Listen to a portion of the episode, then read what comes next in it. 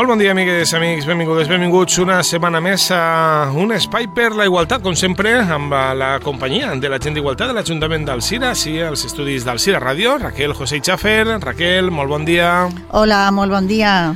Bé, eh, avui anem a parlar d'una curiositat, eh, com són les coves d'Altamira.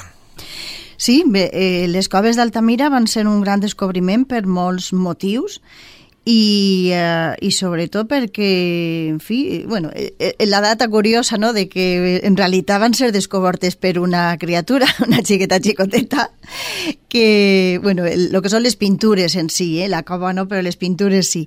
Eh, mentre son pare estava examinant, ella és la que va trobar, perquè avui anem a parlar d'aixes pintures, eh, ella és la que va trobar aquesta altra sala en, en, en la, gran, la gran cova on estava plena de dibuixos. I, bueno, pues el, el descobriment eh, bueno, mos fica Espanya en un bon lloc en este tema, la veritat. És important, és important per tot el Entre que Altamira, traguem de les coves. I... Morella, tot el que s'ha trobat de dinosaures... Ausades, ausades. Sí, sí. Mira, bons, bons jocs per a fer eh, bueno, pues un recorregut per, uh, per ixe passat del que sabem algunes coses però que eh, al llarg de la història se li han atribuït eh, bueno, vivències o estils de vida d'aquell món prehistòric que, que realment no, no correspon. Clar, tot, no n'hi havia. Que, eh? Tot el que s'ha conegut ha sigut la casa, no? els uh, bous que hi havia, els bisons... Eh... Sí, i s'ha interpretat... I tot era casa i, per tant, home. Sí, Exacte, s'ha interpretat en la, en la ment de qui, de qui estava fent la història o de qui estava interpretant el que es trobava. Aleshores, durant molt de temps, mm, bueno, s'ha pensat que tot era casar ho feien els homes, les pintures les feien els homes, el poder, l'estatus el tenien els homes, i de fet els dibuixos que se... Ah, sí, no? els dibuixos que se feien eh, de, de, ja no de la cova, sinó de lo que s'imaginaven que passava en la cova,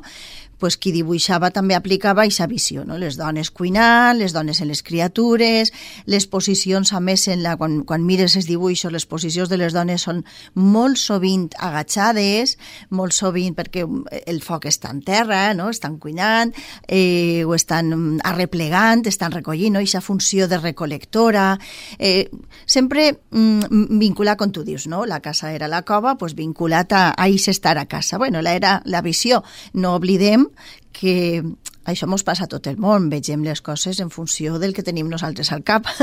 Les persones que, que els agrada moltíssim la música i que entenen, pues, qualsevol nota que escolten, pues, es fixen més i saben identificar més o percebeixen més que altres persones que eh, se fixen més en altres coses, no? Qui li agrada moltíssim la roba, pues, es fixa més també en això, quan va a un lloc, quan passa. Això ens passa a tot el món, però clar, així s'estava interpretant la història en funció dels interessos de qui, de qui ho interpretava, i era intentar mantindre, continuar mantinguent a les dones en el seu lloc a casa.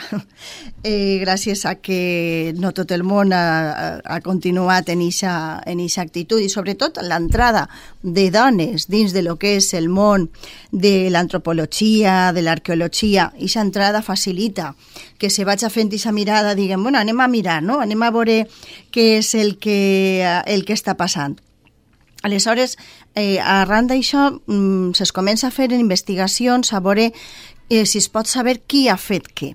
El cas és que és molt difícil, però resulta que n'hi havia un element que era aquestes eh, empremtes de, de les mans que estaven fetes no perquè estava la mà pintada, sinó que la pintura està al voltant de la mà, és a dir, està l'espai que ocupa la mà.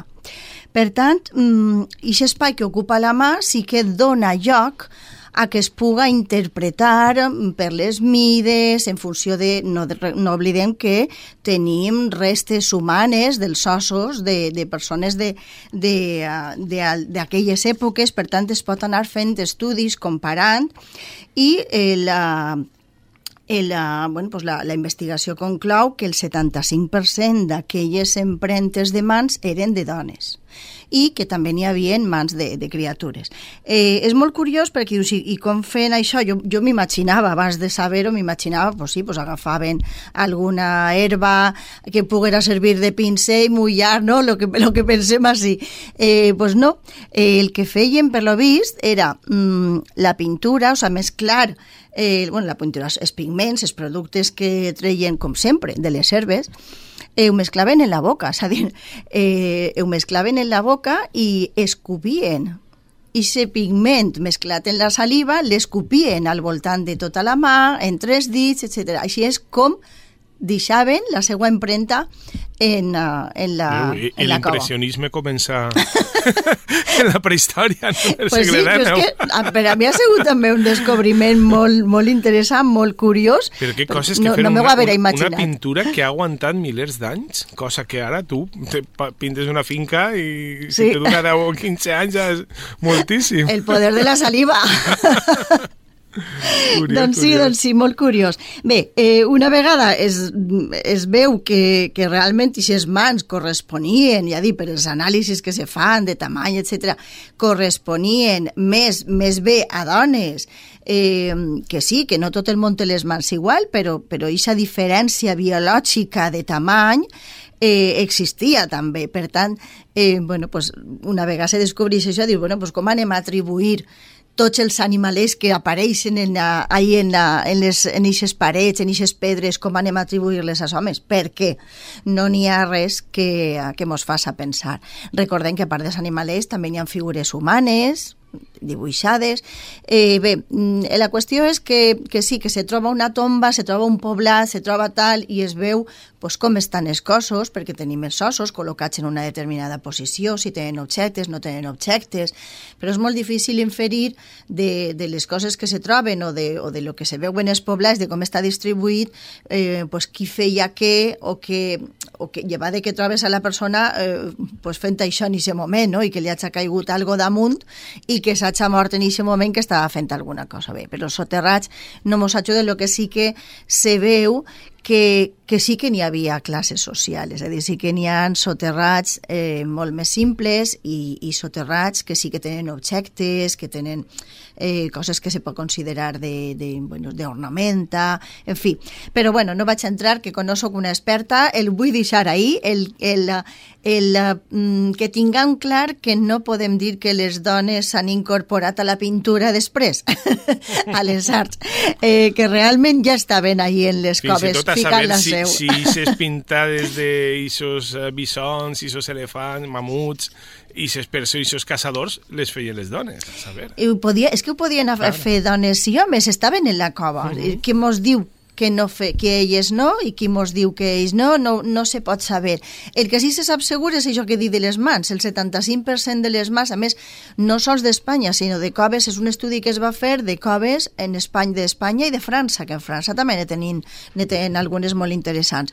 Aleshores, aquest estudi que no agafava només, ja dic, eh, el nostre estat, sinó que agafava també França, pues el 75% és una xifra molt elevada. Les mans eren de dones. Per tant, eh, ixe interès eh, per deixar...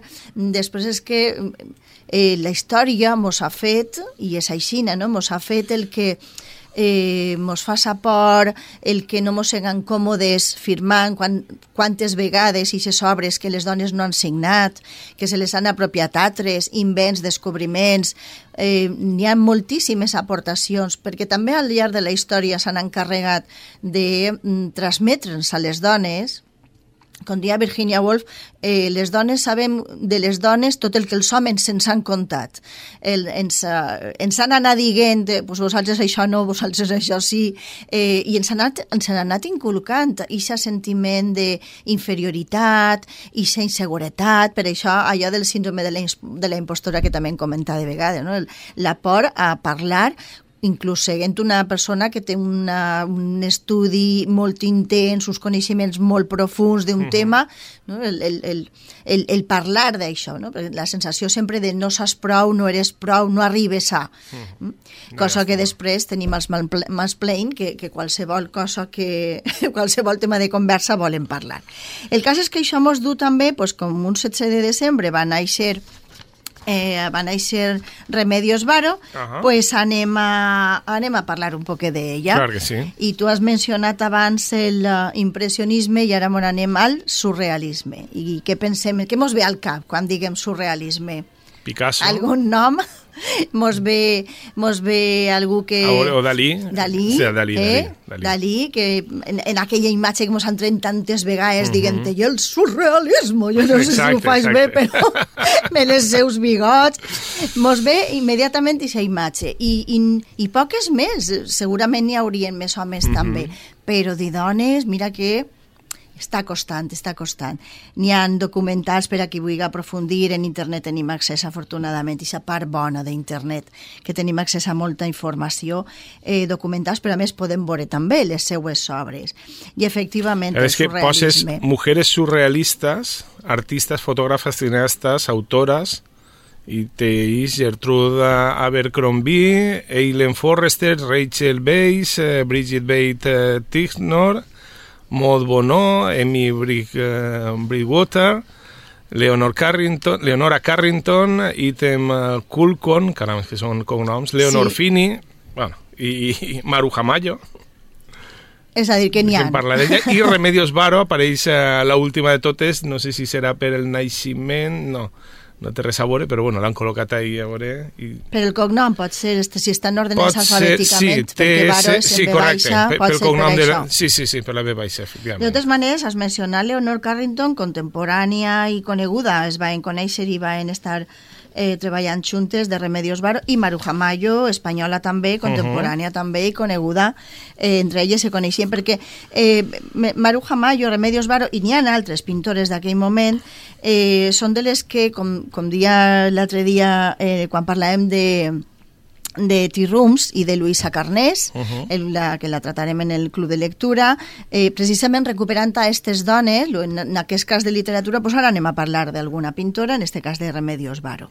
També de la mateixa època, no? tota aquesta eh, colla d'artistes en diferents modalitats que ells sí que han passat a llibres i les dones han quedat ahí, eh, que de la mateixa època. I com dia l'altre dia Macarena, pues, eh, ubicar-le en generació de 27 se queda realment um, un poc inapropiat i que el consens en este moment és parlar pues, de, de tota este, uh, dones i també homes en, uh, en les diverses arts pues, de, de la primera etapa del segle XX, és a dir, d'artistes, de la primera etapa del, del segle XX i, i realment és que el naixement és tot doncs, finals del XIX, principis del XX, desenvolupant ja el seu treball artístic abans, eh? sobretot en l'època de la República, però en tot cas abans sempre de la, de la dictadura i que bueno, pues la, la Guerra Civil fa un canvi eh, mos, mos tira tot el món fora eh? han, de, han de fugir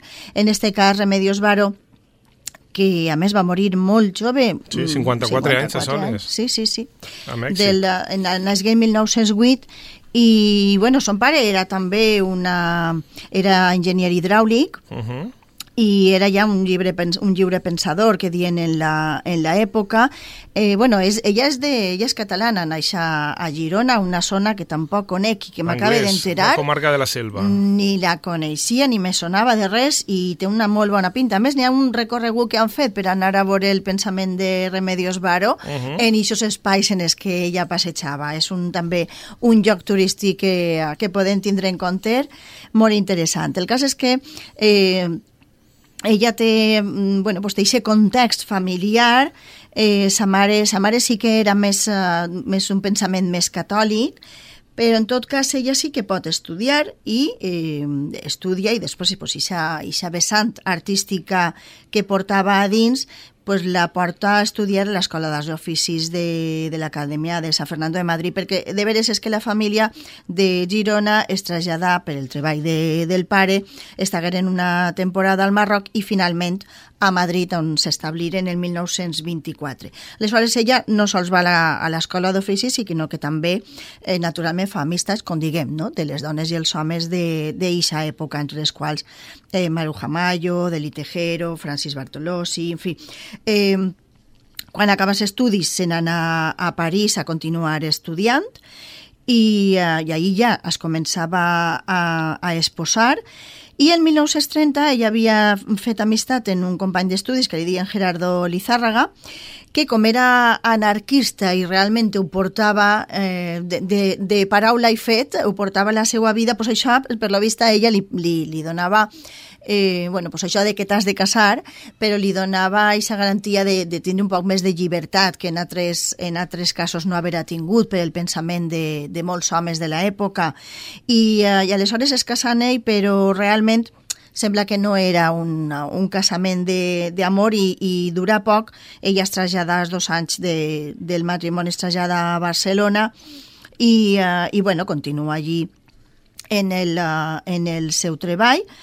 Eh, L'home, que també era, ja dic, dels estudis, però es dedica més a la part de, de publicitat, eh, encara que ella també, ella també ho va treballar, la publicitat. De fet, en, en Mèxic, quan estava a Mèxic, sembla que va fer inclús dibuixos per a una farmacèutica, perquè tot això... Eh, L'obra d'ella és una obra que mira molt cap a l'interior, és una obra de reflexionar, és una obra de, de mirar de l'existència, de què fem... Eh, és una obra que porta també a visibilitzar el dolor, el patiment, i bueno, pues va fer divers, diversos treballs i, i de, de Barcelona, com diguem, ella forma part també de, del grup de pintores de Nadia eh, Sokalova, fi, molts noms com tu havies dit. El cas és que després, què passa? Es troba a París, eh, se n'anà bueno, el 1936, pues, com diguem, va haver de fugir molta gent i, uh, i bueno, pues, se n'anà a París en, uh, amb un poeta que havia conegut que, que estava relacionat, bueno, que havia arribat a Barcelona amb les primeres brigades internacionals, Benjamín Pérez, i se n'anà a París, però clar, en París què passa? Pues que allí se troba en l'altra guerra, és a dir, en l'altra guerra que comença, si no recordo malament, en el 39, i per tant ella en 1940, que està en París, pues, també ha de fugir, i se'n va al sud de França, però després d'ahir ja, bueno, cap a Mèxic, on anirien tantes i tantes i tantes persones eh, espanyoles a, bueno, pues això, a, a poder fer la vida allí tranquil·la i en pau. El cas és que ja desenvolupar el seu treball allí i també va estar una temporadeta en, uh, en Venezuela, com diguem, eh, el 1954 ja va faltar,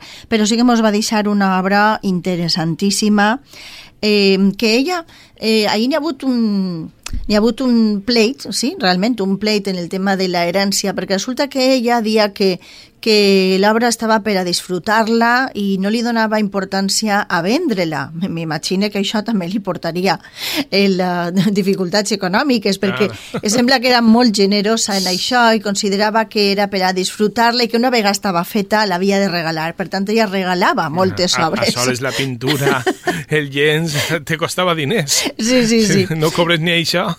Pues per la vista ja regalava moltes obres i, uh, i bueno, pues, pues no veig quin regal, no? per aquí després li haig, li haig a resultar beneficiós. Aleshores això ha donat peu a, a, a bueno, pues un poc de conflicte en el tema de la herència per allò de si és regalar eh, o no és regalar la, cada obra. El cas és que ella deixa nombroses obres que, que ja dic, en internet les podem veure molt interessant, que mm, és una dona la que tindre en compte, que malauradament no sé si es parla molt poc o res en els llibres de, de test, que intuís que, que no lo suficient, però com passa en altres, l'altre dia ho vaig comentar, no? mirant un llibre d'institut, eh, pues era molt testimonial el que parlant d'història lleva de les reines, que sí que com se parla de tot el, els regnes, sí, però lleva d'això molt testimonial el que es parla de, de què feien les dones al món. En fi, el cas és que tindre-la tindre, en compte, no oblidar-la, com no hem d'oblidar a, a ninguna. I uh, passem a un altre tema, si mos pareix. Bueno, ja he dit que lo de la ruta, la ruta és una ruta organitzada per l'Ajuntament que es diu Ruta, Re, ruta Remedios Varo i Anglès. Uh -huh. eh, en fi, eh, amb textos i amb plaques ahí per a, de, sobre els seus pensaments, al mateix temps que passegem i mos conten sobre la vida i sobre els espais que ella disfrutava. La selva, per a que la gent la se situe, és la primera comarca de Girona, després del Maresme i el Vallès Occidental, està el Barcelonès, on està Barcelona, Badalona, el Maresme que està a, a la costa, el Vallès Oriental, i ja dalt està la selva, i d'ahir pues, ja el gironès, el baix, l'alt eh, Empordà i ja França. Vaja, no, no està tan lluny. Eh? Bueno, eh, cinc horetes, però bueno, no paisatges, paisatges molt bonics. Segur, Passem segur a les sí. recomanacions de llibres. Doncs sí, perquè estem en temps de regals també, uh -huh. i a mi no se m'ocorreix millor regal que... Bueno, sí, sempre n'hi ha moltes altres coses. Les coses útils, les coses que ens fan falta, no regalem tonteries, regalem coses que siguen útils, que ens aporten, però mm, entre aquest camp els, els llibres ocupen per a mi el, el número 1 sempre que es puga. Eh, i tenim llibres que ja hem parlat d'ells altres vegades, però pense que per a qui no els coneix encara eh, hem de recuperar, eh, per exemple, en este cas, a la senyora Dalloway. Eh, he portat este, el de la senyora Dalloway, llibre de Virginia Woolf, eh, a la que he mencionat abans precisament i que coneguem més allò d'una habitació pròpia o un quarto propi. Eh, ella té una... Eh, D'ací en fer la pel·lícula, però jo recomano llegir el, el llibre. Eh, la senyora Dalloway, la pel·lícula se dia les hores o les hores, però el llibre sempre ens aporta detalls que en la pel·lícula no, no veurem. La riquesa, la riquesa de, del text escrit sempre és molt més gran. Per tant, la senyora Dalloway, en la que ens està plantejant eh, el di un, un dia en la vida d'una dona, però al mateix temps en la vida també del seu fill i les dones del seu voltant, és a dir, vegem eh, tres moments de la història. Després tenim un llibre que este ja és més actual, no deixem de llegir-lo, per favor, l'estranya desaparició, o en valencià l'estranya desaparició de Esmeleneux, de Maggie O'Farrell, una, una de les narradores escoceses més interessants. Eh, tenim a Lucía Berlín, Manual per a dones de fer feines. Este llibre ja té temps, està en valencià i en castellà, però també imprescindible lectura. He portat Lucía Echevarría, que tenim el, la última novel·la Selene i los quatre elementos, però tenim també Mujeres extraordinàries per a qui vulga eh, llegir d'una altra manera les biografies, mini-biografies de dones eh, de dones que coneguem i de, de diversos mons i camps artístics també. Eh, després tenim, mm, bueno, per exemple, de les nostres podria portar moltes. He portat este, eh, que és prou nou, nou també, de Raquel Ricard, El di de Déu. La Raquel la tinguérem també així en el, en el club de lectura, esperem que puga tornar. I per no deixar de banda la poesia, pues recomane, com ja hem fet altres vegades, llegir Màtria de Raquel Lanceros un llibre també que, que mos fa mirar cap endins, preguntar-nos per l'existència, per, per què som i què fem així en, en este món. Molt interessant tot. Uh -huh. Fantàstic. Molt bé, doncs aquestes recomanacions, ara que vindrà el Pare Noel el pròxim diumenge a la nit, doncs eh, un molt bon regal que del qual es pot gaudir tot l'any per supost, però damunt si ara tenim una miqueta de més temps eh, per vacances i tal, pues que puguem dedicar més a la lectura, ahí tenen eh, molt bones recomanacions. Raquel, moltíssimes gràcies. A vosaltres. Fins al pròxim eh, programa, on així estarem els dimecres a les 10 i mitja donant un espai a la igualtat.